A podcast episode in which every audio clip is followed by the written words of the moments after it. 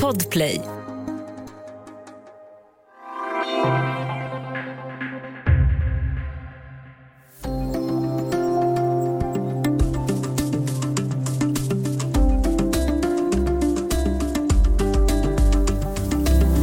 Man börjar känna sig lite mer korkad i all understimulans så här en bit in på det andra året av coronarestriktioner.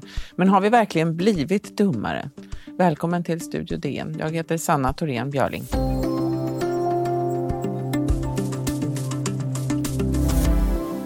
Ja, många upplever att de är tråkigare, spånigare och att de drar, om inte felaktiga, så förtvivlat långsamma slutsatser. Och detta som en följd av livet under corona och den ofrivilliga isolering smittan har lett till. Idag ska vi prata om hjärnan och pandemin med Kristoffer Ahlström som är reporter på DNs kulturredaktion. Välkommen Kristoffer! Tack så mycket, hej! Hur är läget med dig? ja, det är slött och tryggt får jag väl avslöja, men eh, till min glädje så har jag insett att jag inte är ensam i den här känslan utan den delas av väldigt många. Eh, vilket jag upptäckte när jag skrev en artikel om just det här, att det var just igenkänningen som många hörde av sig om och uttryckte viss lättnad över. Ja, vad spännande. Alltså, du skrev ju en text eh, om att du ibland kan känna dig dum och har gjort det här. Och du har också gjort just det här journalistiska grundjobbet, tänker jag. Gräv där du står, det vill säga finns det en story här eh, i det här som jag känner? Eh, och det är det som vi ska kolla lite närmare på. Eh, bara lite kort då, hur har ditt år varit? Ja, nu är, det, nu är det slutet av april och sen eh, början av mars förra året så har jag ju suttit hemma då, eh, jobbat hemifrån. Eh, sen när det dessutom var, har jag varit föräldraledig under den här tiden, eh, så att det har liksom verkligen varit att hjärnan har kastats mellan olika tillstånd och lägen. Men, men den liksom eh, kvardröjande känslan är väl att, eh, jag börjar, ja, att det har varit ett ganska segt år. Och det mm. är väl många som kan känna igen sig men, och, och det verkar som att liksom de yttre omständigheterna har väldigt stor påverkan för hur vi mår inne, så att säga. Alltså så rent psykologiskt och, och, kognitivt. Vad skulle du beskriva dig om eh, under normala omständigheter? Är du en eh, extrovert eller en introvert person?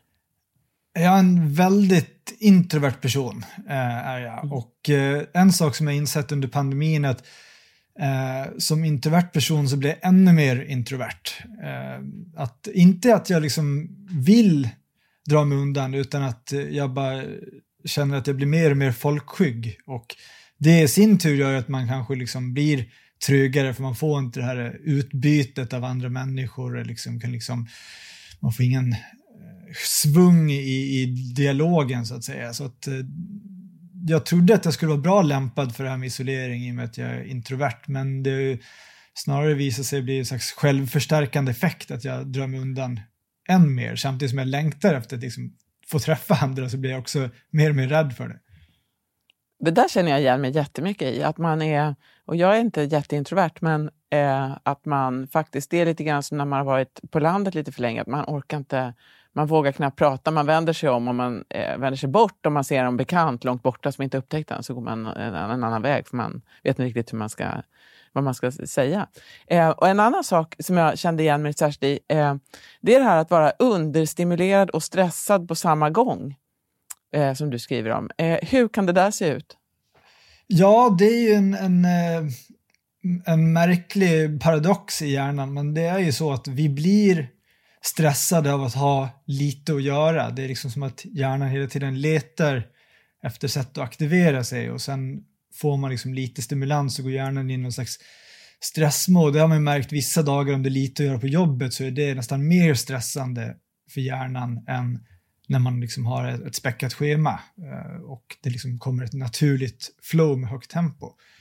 Eh, och sen eh, beror det såklart också på att även om det händer lite på ett sätt i ens liv och samhället så genomgår vi en enormt omvälvande tid där vi hela tiden översköljs med nya rön och nyheter kring just eh, coronaviruset och pandemin och vad det innebär och sånt kan ju vara väldigt stressande för hjärnan att ta in om man tänker liksom på sin egen hälsa men kanske framför allt på sina bekantas, kanske sina föräldrars eller andra äldres hälsa eller kanske sin ekonomiska situation så det finns ju liksom många faktorer som påverkar det här stresspåslaget.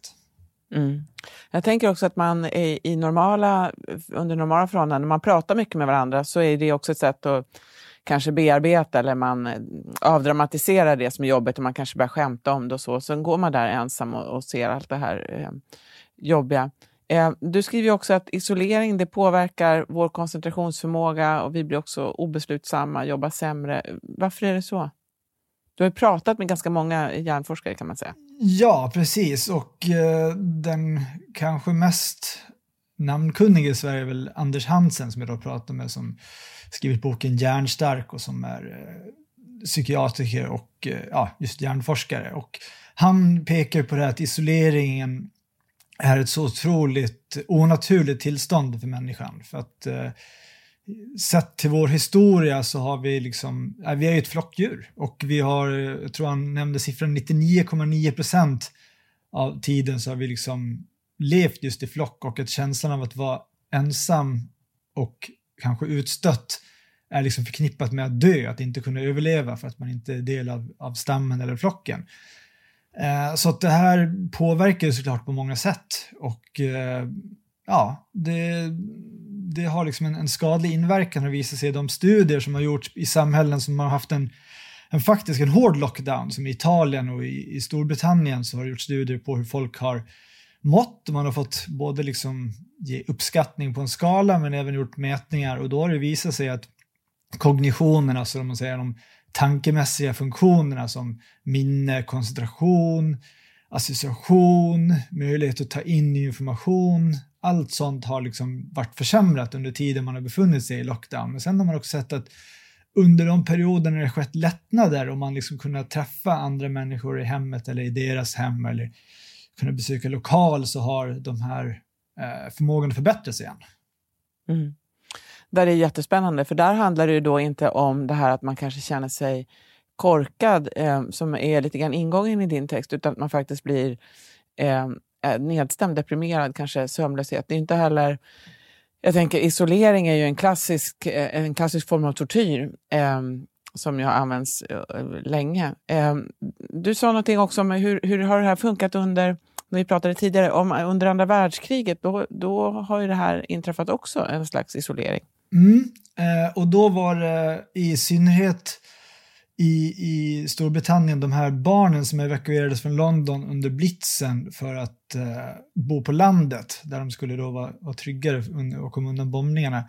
Så pratade man många om att det här skulle innebära en, en förlorad generation för att de skulle liksom inte kunna leva tillsammans och jämnåriga, man skulle inte kunna träffa jämnåriga kamrater och hur skulle det få för långvariga effekter på de här barnen. Eh, men eh, det visar sig att, och det här var då ändå, nu pandemin och den här nedstängningen har pågått i ett drygt år, men här pratar vi om flera år. Så att, eh, oron var väl i viss mån befogad, men det visade sig att ja, saker och ting återgick till det normala så småningom ändå, att hjärnan är så pass plastisk att den kan liksom återhämta sig och det har man även sett i, i studier av, med fall av isolering i allmänhet men även liksom nu under då, eh, covid och, och, pandemin att det förhåller sig så.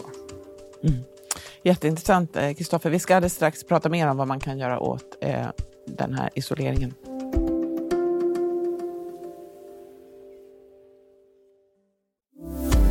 I Studio DN idag pratar vi med Kristoffer Ahlström som är reporter på kulturredaktionen om eh, isolering, hjärnor och pandemin.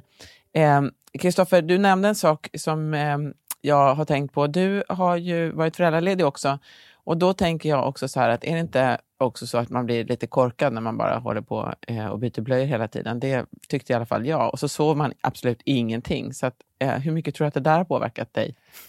Eh, väldigt mycket, för att eh, dels så som du nämner sömnbristen och även att man blir väldigt ensam eh, och det enda personen man har umgås med är eh, drygt ett år gammal så man får inte så mycket eh, intellektuell stimulans kanske. Och dessutom det kulturutbud som jag haft att tillgå då har ju varit pekböcker för ettåringar så man känner att där har man inte heller fått liksom en mental utmaning. Nej, just det. Eh, men man kan ju alltså vara eh, intellektuellt understimulerad och på flera sätt. Du var inne på det eh, tidigare också. Hur kan man då eh, underhålla sin hjärna? Eh, hur har, du, har du försökt göra någonting eller är du en korsordslösare eller, eller ja, hur har du försökt göra? Eh, jag eh, har läst mycket, alltså skönlitteratur. Eh, och det har ju liksom, det, det kanske är inget sätt att, att träna upp, men åtminstone ett sätt att hålla liv i språkförmågan och liksom, ja, se till att den inte försvagas. För om det är någonting jag upptäckt under det här året så är det liksom att förmågan att hitta rätt ord vid rätt tillfälle har försämrats avsevärt. Det är liksom väldigt ofta när jag försöker skriva en text och bara finner mig själv sitta och stirra ut i tomma intet. Bara, vilket ord är det jag behöver? Jag, jag tror att jag kan liksom så ana konturen av vad jag vill få sagt, men det är liksom bara helt dunkelt. Eh, så korsord som du nämnde, absolut. Det är också välkänt i studier att det kan träna upp den verbala förmågan. Eh, sen finns det ju andra saker som liksom datorspel av pusselvarianter och, och när man ska lösa olika utmaningar. Eh, och det finns ju ja, klassiska de här tankenötter och, och rebusar och liknande som också visar sig effekt både på eh, ja, eller även då i, i fall av liksom äldre eller demenssjuka eller barn med inlärningssvårigheter. Just det. Allt det där låter, eller mycket av det låter också mm, eh, ändå så ensamt. Det man längtar efter är ju någon slags interaktion med människor. Jag vet när pandemin slog till och det började, då började det komma artiklar om att, att folk började ringa varandra mycket mer än vad de hade gjort på länge. Det, man har inte ringt folk, man eh, mässar hela tiden och det är jobbigt att ringa. Och så blev det en period när alla fick ett stort behov av att ringa varandra. Sen har det där liksom försvunnit, kanske i takt med att man har blivit lite mer eh, folkskygg. Eh, vad tror du om det? Ja, precis. Jag tänker även på det här eh, väldigt eh, återrapporterade fallet i Italien med folk som gick ut på sina balkonger och sjöng tillsammans. Det är ju verkligen ett exempel på liksom en delad kulturell upplevelse som man annars går miste om. Men det var också så här, det höll väl på i en vecka eller två och sen var det som att ja, isoleringen fick överhanden. Och det är ju någonting som de här studierna också visar då, att ju längre det pågår desto sämre är det för våra eh, ja, kognitiva förmågor, men även som du var inne på, liksom den här sociala skyggheten, att man blir ja, mer och mer blyg. För att det, ja, det är liksom eh, någonting man behöver underhålla och, och träna hela tiden. Mm. Och eh, ja, är man, förr eller senare blir man väl lappsjuk om man liksom inte träffar någon. Just det. Först är man eh, originell, sen blir man original, brukar jag säga. Eh, en annan sak som, som forskarna som du pratar med, Marie Eckerström, eh, var inne på, det är att vi eh, lätt romantiserar hur det brukar vara. Det där tycker jag också är intressant. Man tror att, ja men åh vad det var så otroligt fantastiskt. Så man glömt bort de dagar som man kanske verkligen var på jobbet, men man kanske inte tyckte att det var så fantastiskt ändå. Eller man kanske satt på en restaurang, men man längtade egentligen därifrån. Eh, eh, vad tänker du om det där? Ja, men det tror jag. Det finns ett, eh, ett bra engelskt ordspråk som jag tyvärr inte vet om det finns en svensk motsvarighet, men absence makes the heart grow fonder, det vill säga i, i frånvaron av någonting så är det lätt att saknar det eller romantiserar det på ett sätt som man, ja det är väl kanske att man saknar inte kon om, eh, om båset inte är tomt eh, på svenska. Eh, och, och, så är det verkligen, och vad Maria Eckerström som då är neurolog och psykolog vid Göteborgs universitet tog upp var just det här att människan har en förmåga att minnas saker och ting i ett mer positivt sken än vad du kanske upplevde där och då. Eh, och det brukar jag tänka på ibland, hur man minns liksom alla sina vintrar som snöiga eller alla ens somrar så var det sol varje dag och sen tänker man varför inte så nu för tiden? Men det är som sagt hjärnan som har ett sätt att bara måla ganska ensidigt. Ja. Eh, men det är också ganska tröstande, eh, de som du har pratat med, eh, att det här går tillbaka. Man blir ju bra igen när man väl får tillbaka det här sociala, så, så repar sig hjärnan. Eh, och den är inte permanent såsig, alltså. Ska man förstå det så? Nej, det är väl eh, slutsatsen som har dragits av de här studierna, att den, vi, vi studsar tillbaka, som de säger, eh, ganska snabbt igen. Så förhoppningsvis då när liksom vaccinationstakten tilltar och en, en större immunitet sprids i samhället så kommer vi ju kunna, ja, minska vår dumhet, säger jag nu, jag kommer faktiskt inte på vilket uttryck jag skulle använda, men ja, vi kommer förhoppningsvis sluta vi kommer, vara Vi kommer bli så fantastiskt smarta, lika smarta ja, som vi var förut. Ja. Precis. Men du Kristoffer, vad ser du mest fram emot att göra som innefattar trängsel? Är det en rockkonsert eller är det att trängas i ett, um, ja, vad vet jag, på rean eller att vara i en bar? Eller vad längtar du efter mest? Uh, jag längtar faktiskt mest efter bio. Uh, för att sitta liksom och dela en filmupplevelse i en biosalong när det liksom är en riktigt medryckande film om, om det... Jag kommer ihåg en av mina starkaste kulturupplevelser, det här var ju ett par år sedan då, var när jag såg Terminator 2 med ett gäng lumpargrabbar och det är liksom den inlevelsen och den delade upplevelsen som jag var med om det. Det är svårt att, att mäta sig med och, och liksom lite det saknar man att faktiskt eh, det är väl som man brukar säga att delad glädje är dubbel glädje och så vidare. Det, det ligger ju sannerligen någonting i det. Ja, jag tycker man ska komma ihåg det faktiskt, att inga fester är inställda, de är bara uppskjutna.